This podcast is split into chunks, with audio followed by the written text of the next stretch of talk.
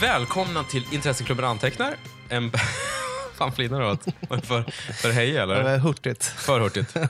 Hej och välkomna ska ni vara till Intresseklubben Antecknar, en podcast om filmer vi älskar och gärna vill prata om. Med vi menar jag givetvis mig själv, Per Persson, och min gode vän. Jesper Viking. Hej Jesper! Tjena. Hur är läget? Jo, det är bra. Mm. Vi sitter ju nu och tittar ut över ett pissregnigt Svedmyra, så att, eh, Ja. men vi har lite mys här med vin bra och för choklad och- naturen. Bra för blommorna, ändå, det måste man säga. Vad har hänt sen sist? Du, inte så jättemycket. Mm. Jobbet måste tjäna pengar. Det Nej, måste tas hem. Äh, Vi har ju flyttat, Mm. jag och Åsa, från Kungsholmen till Gärdet. Just det. Eh, Som två hundägare tycker vi att det är fantastiskt att komma dit. Mm. Såklart. Han är ju i sjunde himlen framförallt, Mm. lilla Tommy. Mer öppna ytor där. Ja, exakt. Och eh, mer väggyta för oss också. Och Mm. med det så skaffade jag en ny tv såklart. Jag har ju haft en gammal plasma-tv sedan 2006 Mm. som har tjänat mig väl för att säga. Men eh, nu känner jag att det var dags för någonting lite större, lite Mm. mer cinematiskt. Mm. Så nu checkade jag en sån här Ultra HD-grunka. Fan vad stor den är. Jag har sett den. Den- Man den måste är- vänja sig verkligen. Jo. Även för ett normalt stort vardagsrum som ni har så är Ja. det väldigt stor. Det är nästan Ja. som man ska haft en sal och ha den i. Men det intressanta med Ultra HD, jag har ju aldrig riktigt upplevt den där superskärpan. Det blir så väldigt tv-studiomässigt Mm. allting. Det känns som så här Telemundo produktioner helt plötsligt. Skarpare nu än det var på Ja, det är 80-talet. jättekonstigt faktiskt. Det kommer ta ett tag innan jag vänjer mig. Samtidigt har jag ifrågasatt, så här, behöver jag verkligen se Harrison Fords porer? Mm. Är det så nödvändigt? Nej, mysigare när det inte är så pordjupt faktiskt. Ja, jag letar fortfarande efter det här uh, cinematiska filtret där allting Mm. blir lite suddigare. Det skulle ju behövas. Vi tutar ju på med vår gamla Sony Bravia som är säkert är tio år gammal vid det här laget. Ja. Och jag är nog upphetsad över att Blu-ray ser kalas ut och att eh, Netflix eh, strömmar på bra där. Blir, Ja. blir HD. Det är inte 4K såklart. Nej. Men det, är- det är 1080 i sina bästa stunder. Mm. Det, det ser ju fint ut. Så jag har inte fått uppleva riktigt det här. HD-fnaset. Liksom. du får komma förbi någon kväll. Se någon eh, gammal älsklingsrulle. Se Chaplins näshår i Ja, Kid plötsligt. Ja, Ser ut precis. som avfilmad tv med VHS-kamera. Ja. I övrigt så har jag väl eh, inte hunnit se så mycket film. Jag såg om en gammal favorit faktiskt. Quatermass and the Pit. Mm. Gammal Hammer-produktion. Mm. Nej men, eh, Vad var det för skådisar i den filmen då? Ja det är ett gammalt brittiskt gard med Hammer-stallskådisar. Den är regisserad av eh, Roy Ward Baker som är ja, för Hammer-fans en kändis och eh, en hel del riktigt bra Amicus-produktioner också. Mm. Han gjorde till exempel Asylum som är en av de bättre portmantå-skräckisarna som Amicus Mm. släppte. Om man är sugen på en inkörsport till Hammer-filmer så kan jag verkligen rekommendera Mm. Quatermass and the Pit. Den är jävligt snygg och spännande och driven. Kim Newman skrev faktiskt, du vet, eh, vår favoritrecensent Ja. på Empire Mm. Magazine och väldigt flitig DVD-kommentator. Ja, mycket, Framförallt mycket på ofta. Jallo-utgåvor och sådär. Mm.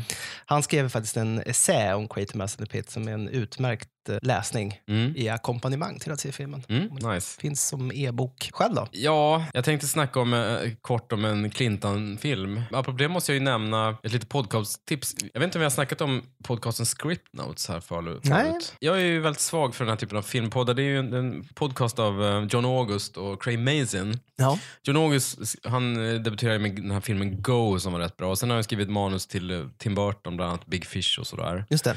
Och även varit manusdoktor på en massa olika ställen. Charlie's Angels skrev han också. Craig Mason har skrivit. Alltså filmen Charlie's Angels, Ja, inte tv-serien. Nej, Nej. det ska, ska sägas då, filmen. Ja. Även tvåan. Och Craig Mason har skrivit eh, Baksmällan-filmerna. Det låter inte så kul. De har ju haft lite varierande, men de, de två är väldigt etablerade i Hollywood. Lyckade filmer ändå. Ja, det är väldigt lyckade filmer. Så att även om Craig Mason, han skrev typ superhero movies som var ganska kass och, och jobbat lite med dem där. Zucker Abrams, Zucker, på deras senare inte så bra filmer, så är de ju ändå um, slipade och de, och de kom in i, i gamet på 90-talet så de har varit med om ganska mycket. Ja. Men de har en podcast som släpps en gång i veckan och heter eh, Script Notes och som jag är helt slav under, tycker är fantastiskt rolig. ja, vad kul. Extremt underhållande.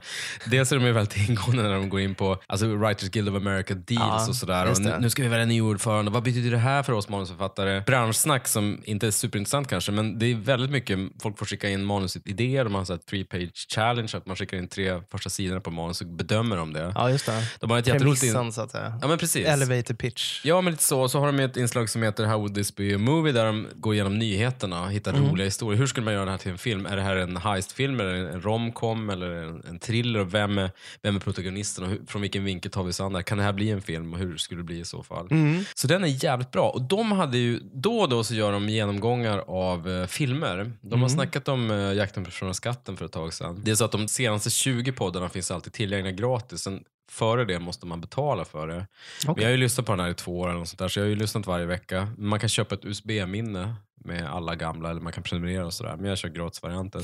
Men nu snack... Lustig modell. Ja, jo, Ja. det är intressant. Ja. Ehm, nu snackar de om Unforgiven, alltså Clintons Ja. film från 94. De skoningslösa. Ja men exakt, så Mm. heter det ju. Icke att förväxla med De hänsynslösa. som var Reservoir Dogs. Ja.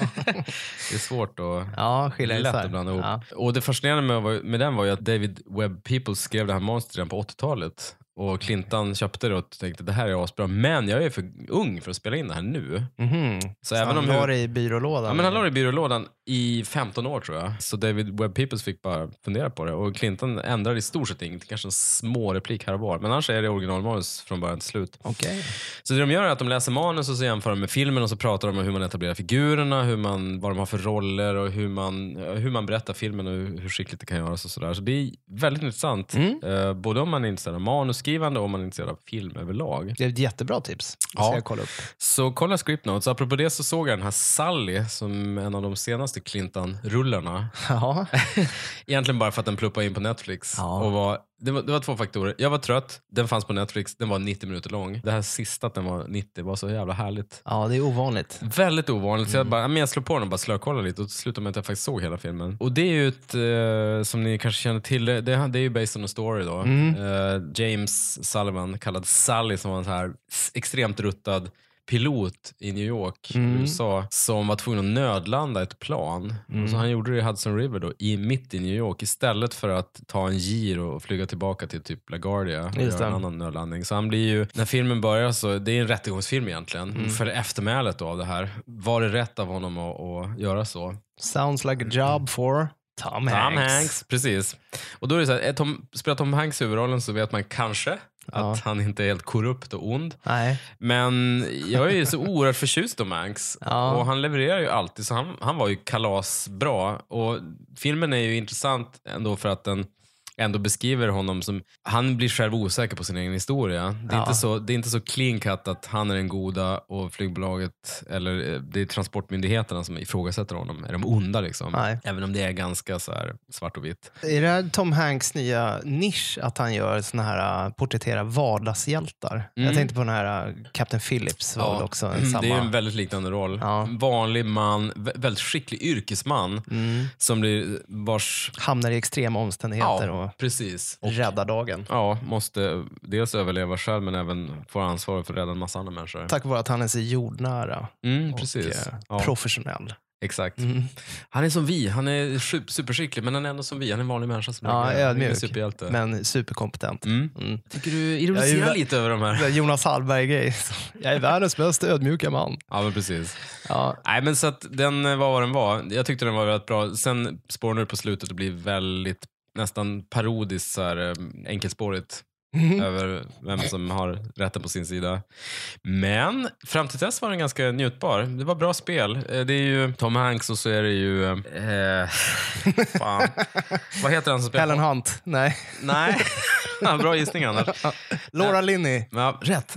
Jo men hon är ju fan med. Hon är det? Det är ju Laura Linney som är hans fru. Ja. Som har en så här, de, är, de är aldrig i samma scen, Ja. eh, utan de pratar i telefon med varandra hela tiden. ja, Så det, sådär. det är så en roll som hon aldrig skulle ha tagit om det inte hade varit Clinton som regisserade. Nej, exakt. Exakt faktiskt som i Captain Phillips. Hans fru i den spelades av Catherine Keener, Ja, som också är det. jävligt bra skådis. Ja. Som har en ganska otacksam roll, hon är med i fem minuter. Mm. Och hon skulle ju all, i- gissningsvis aldrig tagit den rollen om det inte hade varit Paul Greengrass som fick spela mot Tom Hanks. Och sådär. Nej, just det. Nej, men den jag tänkte på var ju han som spelar Harvey Dent i de senare Batman-filmerna. Aaron Eckhart. Exakt. Han är ju med som bi- sidopilot då. Mhm. Har en ruggig lös mustasch. Mm. Nästan så Tombstone-klass. Eller Gettysburg. Kanske mest känns som Frankensteins monster nu för tiden. va? Är det inte så?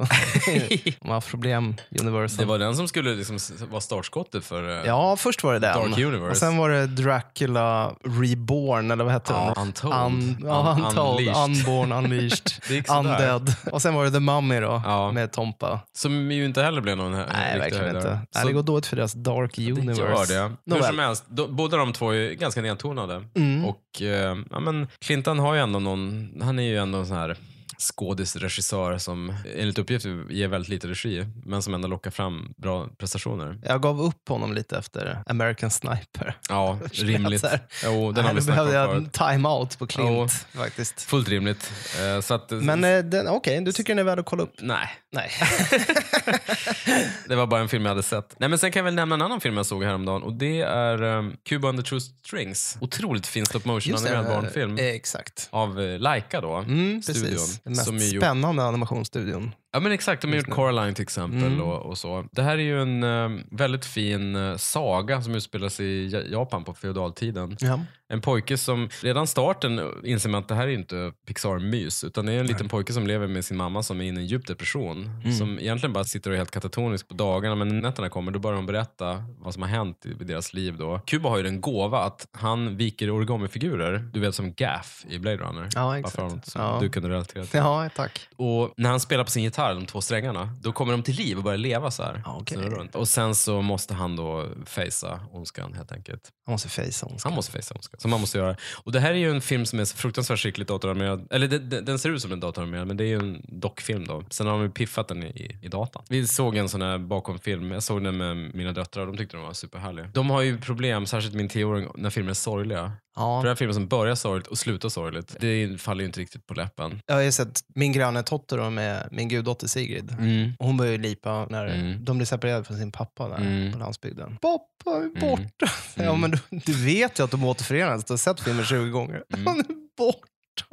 Det går inte att resonera. De lever totalt i nuet. Helt rätt sätt att ta till sig film Mm. egentligen. Ja men det är ju det. Ja. Men den var väldigt fin. Ja. Och Ja, kul. väldigt bra dubbelt svenska också. Det här är ju en film som eh, gick dåligt i USA och i världen, men den är väl värd att se. Men du, det var inte mina tips vi skulle snacka om ikväll Nej, va? du vet idag Mm. så är det ju ett önskefilmsavsnitt. Just det.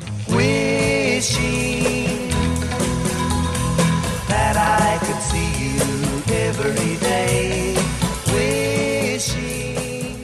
Den här gången ska vi prata om Bram Stokers Dracula Oj. från 1992 i regi av Francis Ford Coppola. Mm. Och det är Ingela Bjurehager som Mm. har önskat den filmen. Hon har faktiskt önskat en drös Mm. filmer, men vi börjar med den här tänkte jag. Ja. Vi går ju mot höst. Det var en väldigt bra lista med tips. Ja. Vi fastnade för det här. Men eh, ja, Bram Stokers Dracula, en film som har stort genomslag. 92, det var ju Francis lite i eh, limbo egentligen. Nej men precis, 80-talet var över. Han hade väl Tucker där slutet på 80-talet. Peggy Sue Got Married. Peggy Sue var väl en modest framgång. Sen 90 kom ju Gudfadern del 3 som Mm. ju blev ja, överlag väldigt sågad och som många tyckte var en stor besvikelse. Men vi ska ändå minnas att den blev nominerad både för bästa film, bästa regissör Ja. och även Golden Globe för samma kategori. Så Mm. Det var väl kanske lite efterhand man började snacka om. Det var vi inne på Sofia Coppola-podden också, hur dissad hon blev för att hon på något vis Ja. inte levererade ordentligt. Nej, just det. För det var väl så att Winona Ryder skulle spela hennes roll men hoppade Mm. av. Jag tror manuset är lite svagare. Och tyvärr är det så att Gudfader-filmen som är inspelad på tidigt 70-tal ser alla jävligt coola ut. Men den här är inspelad på 90 kom den, alla fula 80-talskläder. Ja.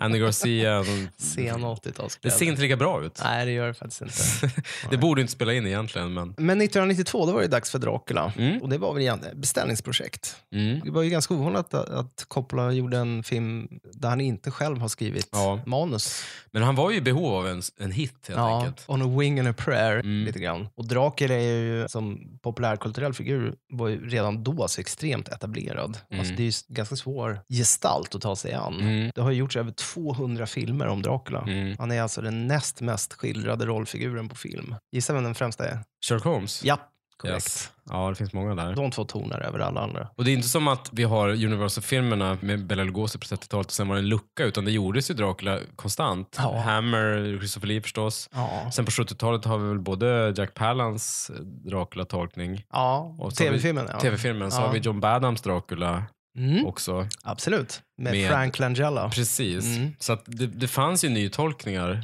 hela Mm. tiden. Så att han fick ju kräma på ganska mycket för att göra något nytt av det. Vilket han verkligen gjorde.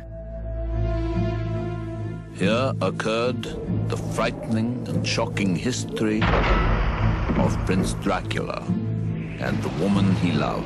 I have crossed oceans of time to find you.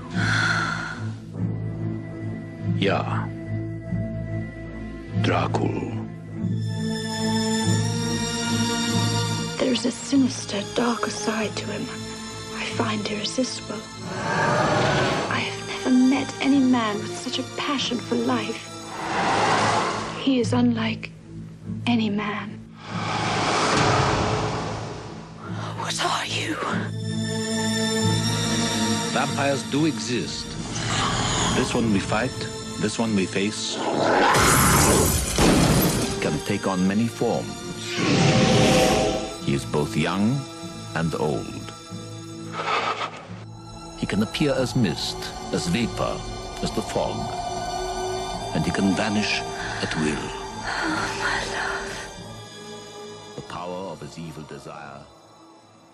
En ung advokat, Jonathan Harker, reser 1897 från London till ett dystert slott i Transylvanien för att göra upp om ett fastighetsköp i London med greve Dracula. Harker har med sig ett foto av sin fästmö Mina. Greven tycker att Mina påminner om hans kärleksfulla hustru Elisabeta. Hon begick självmord när hon nåddes av ett falskt budskap om att hennes älskade make dödats i striden mot den osmanska hären på 1400-talet. För när inte han längre fanns med henne i livet så ville hon istället förena sig med honom i döden. Dracula tvingar Harker att skriva brev till fästmön att han tänker stanna några veckor. Medan Harker är fånge i slottet reser greven till London för att söka upp Mina. Fastighetsköp, det var ju tio fastigheter. Eller något Jo, där. det är länge han ska köpa i London. Ja. Han gör ju ett statement, Coppola, när han kallar den här filmen för Bram Stokers Dracula. Ja. Som att han går tillbaka och ska vara mer trogen. Samtidigt har de ju ändrat ganska mycket i historien. Att, Han har ju med de här sidofigurerna. Det är ju ett helt eh, menageri som enar krafter och, och ska besegra honom. Mm. Du har ju den här läkaren, Seward heter han va? mm, precis. Som eh, spelas av eh, Richard E. Grant i den här Mm. filmen. Han brukar ju vara med. Men sen har du den här eh, överklassfestmannen, Mm. Lord Arthur Holmwood. Holmwood och den här eh, texanen Ja, med jättekniven. Quincy. Mm. My dearest Quincy. De brukar ju liksom strykas eller kombineras till en rollfigur i Ja. de flesta filmer. Rimligt. Absolut. Mm. Jag tycker det här är en oerhört svajig film. faktiskt. Jag hade goda minnen av den som en härlig Mm. over the top film och som jag minns det så hade Coppola närmat sig ämnet på rätt sätt. Att det, Mm. Den är så utagerad den här historien och den är så allmängiltig så Mm. det finns inget annat sätt att göra den än med en jätteglimt i ögat. Mm. Men nu när jag såg om den så kände jag att fan, för den pendlar ju så hej vilt mellan någon sorts ironisk gorefest och Mm. ett pompöst melodram. Mm. Så ibland känner jag bara, fan kan du inte bara välja en tonalitet och hålla dig till den? Mm. Jag var lite chockad faktiskt. Mm. Jag såg den ihop med Åsa och hon sa ju en kvart in i filmen vände hon sig mot mig och sa, är det här en Mel Brooks-film eller? och jag, det sätter fingret lite på hur jag kände för den Mm. också. Den blir så extremt överdriven ibland Mm. så att det blir skrattretande. Mm. Med det sagt finns det ju många aspekter av filmen som jag fortfarande tycker är fantastiska. Som alla de här, äh, att han går så hårt in på de här äh, praktiska specialeffekterna. Teatrala verkligen. Mm. Ja, men effekter. precis. Filmen är oerhört teatralisk och, och storvulen. Och han, enligt uppgift så tog han in lite så specialeffektssnubbar. Ja. Och så beskrev han vad han ville göra, men han ville ju inte göra det digitalt då. Det här var ju, det var ju tidigt, liksom, det var ett år före Jurassic Park kom och visade. Det var efter The Abyss då, så det var ju bara, Ja, och just T2 det. kom i den här vevan också. Men alla de här specialeffektsgubbarna sa nej men det här går inte, du kan inte göra det här praktiskt, så här. vi måste använda datorn. Och då kickade ju de, anställde sin son Roman Coppola Ja, istället. det. Och så var ju deras eh, MO var ju så här, allting ska vara optiskt, det ska ske in camera liksom. Mm. Inga datorer överhuvudtaget. Vilket gör ju att filmen är otroligt uppfinningsrik. I sina bästa stunder så känns den ju väldigt så här eh, spännande och annorlunda men i sina sämsta kan den ju kännas lite instängt studioaktig Mm. teatralt för att det kan bli en, nästan en, en fjärmande effekt. Kulissbyggen och optiska effekter och så. Det är nästan som att det är en fallucka som öppnar sig. Ja, och man trillar ner, så och kommer en rökpuff. rökpuff, ja. Vart tog han vägen? Ja. Det är på den nivån. Samtidigt kan jag ju känna att den låtsas ju aldrig vara något annat än en film. Eftersom då, alla de här effekterna drar ögonen till sig och man tänker shit, vad, vad går det? Och, och, han kör ju så stumfilmsgrejer som iris in och iris ut och sådana Mm, grejer. Precis. som verkligen är ålderdomliga. Ja, men det är ju väldigt, eh, för att dra in en gammal kliché, att kameran blir på något sätt en huvudrollsinnehavare Mm. lite bitvis. Mm. Det är ju en väldigt febrig film, svettig och osammanhängande på något. Mm. sätt. Lite svårt att hänga med emellanåt. Lite för lång tycker jag. Mm. Ja, men det håller jag med har om. rätt sega partier och det är framförallt de här tröttsamma dialogscenerna om kärlekens essens som Gary Oldman och Winona Ryder har, Mm. som blir väldigt tjatiga efter ett tag. Väldigt högstämda alla scener. med dem. crossed oceans of time Jo. to find you. Flåsigt överspel Ja. bland alla inblandade egentligen. See me, Ja. now you will see me. Samtidigt tycker jag att det som är genomgående för hela filmen är den här tusenåriga kärlekshistorien Ja. mellan Mina och Count Dracul som jag ändå tycker är ganska fin. det är klart. Det är bara ibland känner jag så här, fan, tänk om Douglas Sirk hade gjort det här istället. Det hade blivit lite Mm. annorlunda. Men eh, de flesta kommer ju undan med det här over the top-spelet. Winona Ryder, hon är ju ganska nedtonad. Hon gör det Mm. bäst om. Det är någon scen där mellan henne och hennes bästis där. När de pratar, den här filmen klarar inte Bechdel-testet kan vi säga. Nej, det ba, de pratar bara om män hela tiden. Lucy är Eh. besatt av vilken friare hon ska vara. Ja, precis. Och det, det var någon dialog sen där när de sitter och typ smygtittar i den här Sir Richard Burtons eh, den här uh, Tusen och en Ja, natt-utgåvan precis. med Kolla på lite knullbilder.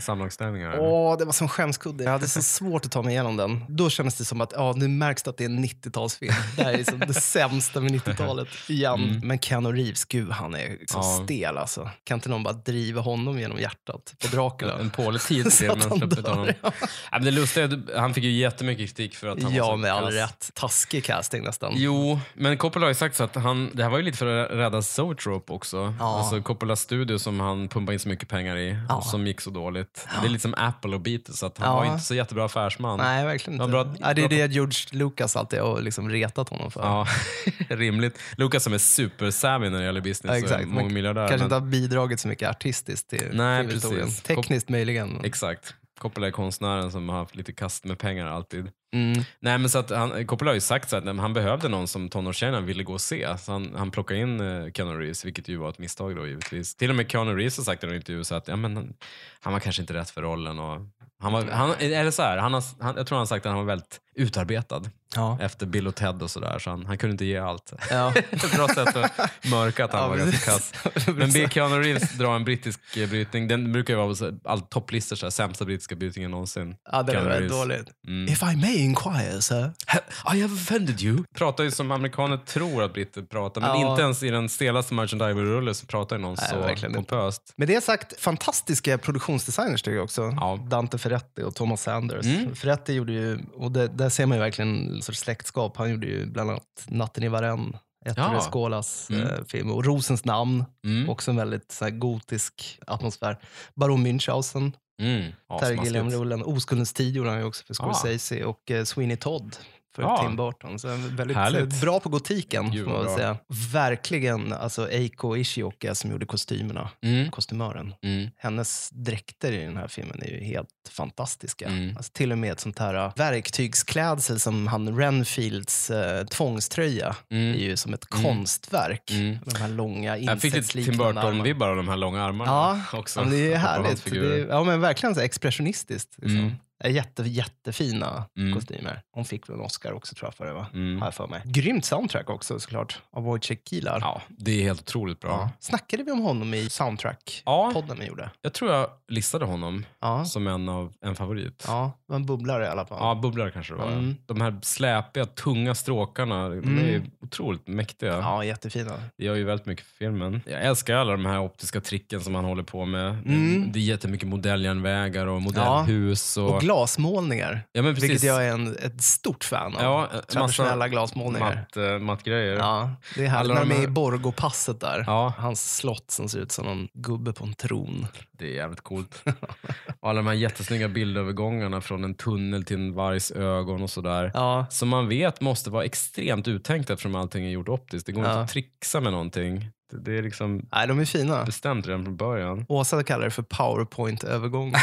jag tycker det var Taskigt. lite taskigt. Ja, faktiskt. lite taskigt. Ja. Men det är klart, det är ju så uttänkt så att det, det, det är snyggt men det för också tankarna. Ja. Alltså man tar sig ur att det är en film. Den är ju läcker. Och Michael Ballhaus, alltså Fotografen, fotografen, ja. Mm. vilket jävla jobb han gör här. Mm. Vad är han mest känd för? Är det Papa Don't Preach-videon? Eh, Är det hans stora claim to fame? Nej, maff- Maffiabröder skulle jag vilja säga. Är ju ändå, jag har jobbat med Scorsese. Det är ju snyggt fotat pappa. Don't Ja, absolut. Inte dissa så. Det är så Religiöst Mhm. eh, kläckat. Ja. Annars, den stora snygga övergången är ju från att de hugger huvudet av Lucy till att eh, Van Helsing sätter ner ett tråg med kött på bordet. Mm. Kloff. ja, Avhugget huvud, kött. spekulativt. Väldigt smaskigt. Ja, jag kan inte säga att det är Anthony Hopkins starkaste insats. Nej. Det är väldigt, eh, jag, tycker, Nej. jag tycker alla svajar lite på dialekten faktiskt. Ja. Gary Oldman, han låter ju som att han är med i Sesam. Mm. ja, vad heter den figuren från Sesame Count Street? count. Precis, Count the Count. ja. One, two, three. Ja, men han låter ju four. som en parodi på Bella Lugosi. Ja, ja, verkligen. Men det är lite intressant ändå. För att vara så pass lång så tycker jag att den lämnar många trådar lösa. Mm. Det framgår aldrig riktigt till exempel varför Dracula prompt ska ha de här tio egendomarna i London. Det är något som bara hamnar i diket. varför han överhuvudtaget ska dit. I filmen är det bara att han vill åt Mina egentligen. Är hans primära mål. Det är Dracula som, ja men han spottar ju Guds ansikte efter den här tragedin som befaller Mm. honom. Och det tycker för, för att vara en så pass hängiven kristen så är det intressant att han verkar liksom ha skippat Jobs bok. Du menar att han borde tåla lite mer? Ja, exakt. Att han ska inte ifrågasätta Guds motiv. Liksom. Nej, han borde fattat det. Det är mäktigt när han sylar svärdet in i korset och det börjar rinna blod. Ja. Grand Guignol. Mm. Det är jävligt snyggt med de här uh, skuggteater, Ja, dockteater i Mm. början när de beskriver de här fältslagen i Mm. gamla Valacken. Det är jätte. De skuggfigurerna till Keelers musik, det, det satte kila för en. nästan, Ja, det ser kila för en. Det. det är så fränt. Han har inte gjort så här jättemånga filmsoundtracks egentligen. Ninth Nej. Gate gjorde han ju. Det var ju också väldigt ödesmättat. Portrait of a Lady Mm, bland annat. Men i övrigt så har det varit mest just rena klassiska mm. Vilket slöseri. kompositioner. Ja, faktiskt. Han, hade kunnat- han var inte så intresserad kanske. Du nämnde nog makeupen tror jag, men nu när jag såg den tänkte jag att det är otroligt imponerande makeup fortfarande. Speciellt när, dels när Vlad Dracula, fladdermusgestalten, Mm. och sen även när han med den här varulvsfiguren som tjongar på Lucy där på Ja. bänken. Det var jättesnygg makeup alltså. Ja, väldigt bra Ser makeup. fantastiskt ut. Ja, och det måste jag säga, det är ett superbra exempel på hur ja, men makeup som funkar till skådespelarens fördel. Mm. Skådisen lyser igenom på något Mm, sätt. Ja, men alltså, det är väldigt väl avvägd makeup på det sättet, trots att den är så pass tung. En scen som jag tycker är riktigt jobbig, och det är det här när de är på den här kinematografen där Mm. i eh, London och hon blir stalkad av en varg där. Ja, precis. Man ser vargen passera förbi. Mm, egentligen blir hon utsatt för sexuellt övergrepp i den Mm. scenen. Han liksom bara sliter in henne i ett bakrum och Mm. trycker ner henne. Och det skildras på något sätt som en sexig förförelsescen. Mm. Det tyckte jag var lite jobbigt faktiskt. Nej, jag var inte så känslig. Jag tyckte det var fint. Ja, Bara för att, men jag, kanske, jag tyckte det var så snyggt med vargen där. jag var så upptagen av, av Cinematografen. storyboarden. Plus att Nej, men det- den, hela den sekvensen är ju, i alla fall på gatan i början där, är ju faktiskt filmad med en gammal, Med en gammal kamera. Ja. Mm. För när jag såg den förut så tänkte jag bara, nu har de trickat för att det ska se ut Ja. Men det, de satt faktiskt och handvevade där. Ja. Det var rätt mäktigt. ja, det var fint. Jag hade velat se lite mer såna här cue-cards med repliker. Det är verkligen en, en um, ogenerad hyllning till filmkonsten. Ja, det är det. Om man jämför det med till exempel Hugo, Scorseses Ja, eh, hyllning Ja. till filmkonsten, så känns den här mycket mer levande. Mm. Mer Jo, Hugo var lite stiff. Han Den gick för långt liksom. där. Ja, han han, skulle ha med Melee också. Han var för andaktsfull tror jag. Han var Mm. inte lekfull på samma sätt Mm. som Coppola vågade vara. Tom Waits, apropå birollsfigurer. Ja, eh, Renfield. Ja. Master, I've done all you asked of me master. Nu när jag såg den tyckte jag han lät som Gollum lite grann. Ja, det tyckte man inte på 90-talet. Nej, han är lite som ehm, vår favorit eh, Ron Perlman. Ja, alltså en, en väldigt bra grotesk. Mm. Sen gillar jag alla interiörer från det här mentalsjukhuset när de har de här små burarna på huvudet. Ja, Det är verkligen. cool idé. Så här. Jag vet inte alls om det är historiskt vederlagt eller de bara kommit på det. Production Det design. ser bra ut. Ja. Det ser väldigt bra ut. Det ser väl så här ganska härligt omänskligt ut. Ja. Sätta en bur runt huvudet på en gubbe. De får gå runt där bara. Jag gillar också att han bor där, den här överläkaren, Mm. mitt bland alla de här dårarna. Panopticon-kontor där han sitter och Ja. tar morfin. Och... Ja, men exakt, han är morfinist och tar Ja. absint och är allmänt så depraverad. Det är härligt. Bra casting för Richard E. Grant. Ja. Nej, för att summera det hela. Jag Mm. tycker att Dracula är, ja, det är en visuell fest. ja, det är gottepåse Eh. för alla som är intresserade av visuella effekter överhuvudtaget. Vi- Dock helt utan näringsvärde, enligt mig. Nej, jag håller inte med. Jag tyckte Nej. den var väldigt underhållande fortfarande. Ja. Och du som är Mario Bava-fan, vi måste ju snacka lite om den sekvensen när Harker åker runt på diligensen också. När eh, ryttaren sträcker ut armen och fångar Ja, upp klor han och bara drar, in upp honom i honom. en lång Det kamerascen. ja. precis, det är gjort i antagning så det är ju två plattformar och Ja. Ja. står på en och ryttaren står på en. Ryttaren spelas av Gary Oldman i den scenen för Ja, just det. Vilket är coolt, även om man inte ser hans ansikte. Nej. Då, Roman Coppola var väldigt öppenhjärtig bakom materialet att det var inspirerat av Black Sunday och Mario Ja, ja. så de tyckte ja, det var jävligt coolt. ju. Drömskt. Ja, det var vi inne på tidigare. I sina bästa stunder så gör alla de här in-camera-grejerna att det blir mer levande. Mm. Ibland blir det mer statiskt. Ja. Men det blir ju en sagofilm på många sätt. Jag tyckte den höll rätt hårt. Jag tyckte ändå att, även om det är superteatraliskt och överdrivet, så tyckte jag ändå den här kärlekshistorien i grunden. Mm. Jag tyckte det var bra kemi mellan eh, Gary Oldman och Winona Ryder. Mm. Vilket det säkert inte var på inspelningen. men eh, Nej, vi ska ju inte hålla på med skvaller. Men det ryktades ju om att det inte var så nej, det var ingen bra, in- ingen bra stämning. Konstigt, Gary Oldman verkar så lätt att jobba Ja, med. eller hur? Chosefri och Mm. uppsluppen. Nej, men det... ehm, Han var troligen in character hela inspelningen. Ja, vi kan ju enas om att vara oense här lite grann. Ja. Jag tycker att om man är det minsta intresserad av eh, filmteknik Mm. och eh, praktiska effekter och tycker det är härligt att titta på vackra kostymer så är den Mm. väldigt sevärd. Men som en film så vet jag inte. Nej, så. Kan inte riktigt rekommendera den, tyvärr. faktiskt. det Jag, jag. gjorde faktiskt, eh, satt och tänkte på så här, om man vill liksom rekommendera en riktigt bra Dracula-film, vad skulle det finnas för alternativ? Är det här den bästa Dracula-filmatiseringen? Oj, vad svårt. För att originalet är ju... Tänker du på Todd Browning-versionen det är eller är Nosferatu? Nej, nu, om vi börjar med den med Todd Browning Mm. så är den ju väldigt... Det är den ju väldigt stel. oerhört stel och känns bitvis som filmad teater. Ja, det är det ju verkligen. Den har ju Bella Lugosi. Ja. Det är ju det. Så den är och bitvis väldigt foto. Det är konstigt att, att det är den filmen Browning är mest känd för. Hans andra filmer är egentligen bättre. Ja. Alltså Freaks, Freaks eh, till exempel, det är ju en mycket starkare film. Men om man tänker Murnaus. Nosferatu så är ju den coolare än Dracula kanske. Men du är inne på Herzogs Nosferatu eller? Ja, jag hade nog lyft fram Nosferatu. Den är så otroligt vacker. Phantom der Nacht. Mm. Den pratade vi ju faktiskt om i eh, avsnitt två, var det va? Ja, var det så tidigt? Top 3 remakes. Ja, just det. Då pratade vi om det avsnitt kan man återbesöka. Nej, men sen tänkte jag också lyfta fram John Badhams version från 79. Ja. För om man är intresserad av gotisk elegans och dekadens, fast utan att det blir pajigt, Mm. då är ju den ganska bra. Och Mm. jag tycker Frank Langella är ju, ja, men han var stilig, han var sexig. Mm, mm. Han var en bra vampyr. Inte minst måste man åtminstone, den har ju en förförelsescen som är regisserad av Maurice Binder, Jaha. som gjorde James Bond-vinjetterna. Komplett då med rökmaskin och laser och allt möjligt. Wow. Så han regisserar bara den sekvensen alltså? Ja. Nice. Det är ganska häftigt faktiskt. Mm. Och sen eh, såklart Hammer, Dracula-filmerna Ja. kan man inte komma ifrån. Christopher Lee Nej. är ju för många den riktiga Dracula. Han gjorde ju väldigt många. Den, jag tänkte nämna är ju absolut inte den bästa, men jag gillar den ändå. Det är Scars of Dracula. Den kom 1970 Mm. i regi av Roy Ward Baker som gjorde Quatermass in the Pits. Där fick Christopher Lee en lite mer dialog än han hade haft kanske åtminstone sex filmer sedan Mm. originalet. Plus att den är så absurd Dracula-film. Då återinför de det här att han klättrar på väggar och sådär. Mm. Det har ju inte riktigt funnits i de tidigare här med filmerna. Men det är också den här otroligt bisarra aspekt att han knivhugger sina offer i den här filmen. Det är konstigt. Istället för att bita ihjäl dem. Ja. Dracula Dead and Loving It med Leslie Nielsen. Ja, Ska, ska bara, död men lycklig. ska bara förbigå den med tystnad Ja, vi hoppar, Mel Brooks. Vi hoppar över. Leslies tolkning. Ja. Han gjorde mycket bra, men just den filmen kanske inte var hans allra bästa. Ja. Nej, men det var roligt det här med Jack Palance som du pratade om tidigare, den här Mm. tv-versionen. För den växte jag upp med. Den hade, Mm. den hade jag ju på VHS också. Mm. Det var, tror jag, en av de första liksom, gestaltningarna av Dracula, just som en tragisk, eh, romantisk antihjälte. Mm. Att han inte var ond och elak, utan att han faktiskt var en väldigt sorgsen person som Jag minns den från när jag var liten också. Men jag minns egentligen mer när uh, Renfield satt och käkade insekter. Ja. Som jag gjorde i den filmen. Så det tyvärr. Ja. ja, Det var det. En det av var våra det. önskefilmer. Och, eh, tack så mycket Ingela. Supertack. Som sagt, vi har ju, vi har ju flera önskemål från dig, så att vi bockar av dem vartefter. Men du. Jesper, om man inte är Ingela och ändå vill tipsa om filmer vi ska snacka om, hur gör man då? Då går man in på vår Patreon-sida, Mm. patreon.com slash ICA-podcast. Och så blir man en eh, 10 dollar Patreon, Just det som det. vi kallar Salt and Vinegar. Ja, högsta kategorin.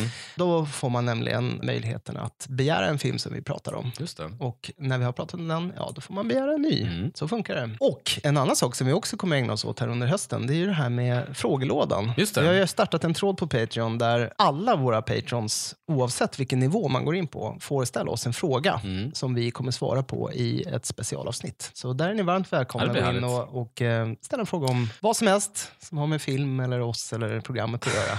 När grät du senast Jesper? ja, ja, precis. Det vore en ganska rolig fråga att få Mm, faktiskt. öppna upp lite. Så eh, varmt välkomna att gå in där, Ja, eh, kära patrons. Och eh, ställ ingen fråga är för hög eller låg. Då återkommer vi snart med ett eh, ordinarie avsnitt. Det gör vi. Ni får väldigt gärna gå in och betygsätta oss på iTunes. Ja. Gärna med femmer eller fyror. Ni kan kommentera det här avsnittet på, genom att mejla oss, pikapodcast.gmail.com. Ni kan eh, kommentera på TV-dags när vi lägger upp det. Jajamän. På Facebook går bra också. Instagram, Twitter, Brevduva. MySpace, Ja. Brevduva, helgon.net. Mm. Alla möjliga plattformar. Tack för att ni lyssnade så hörs vi igen nästa gång. Ha det fint. Hej då.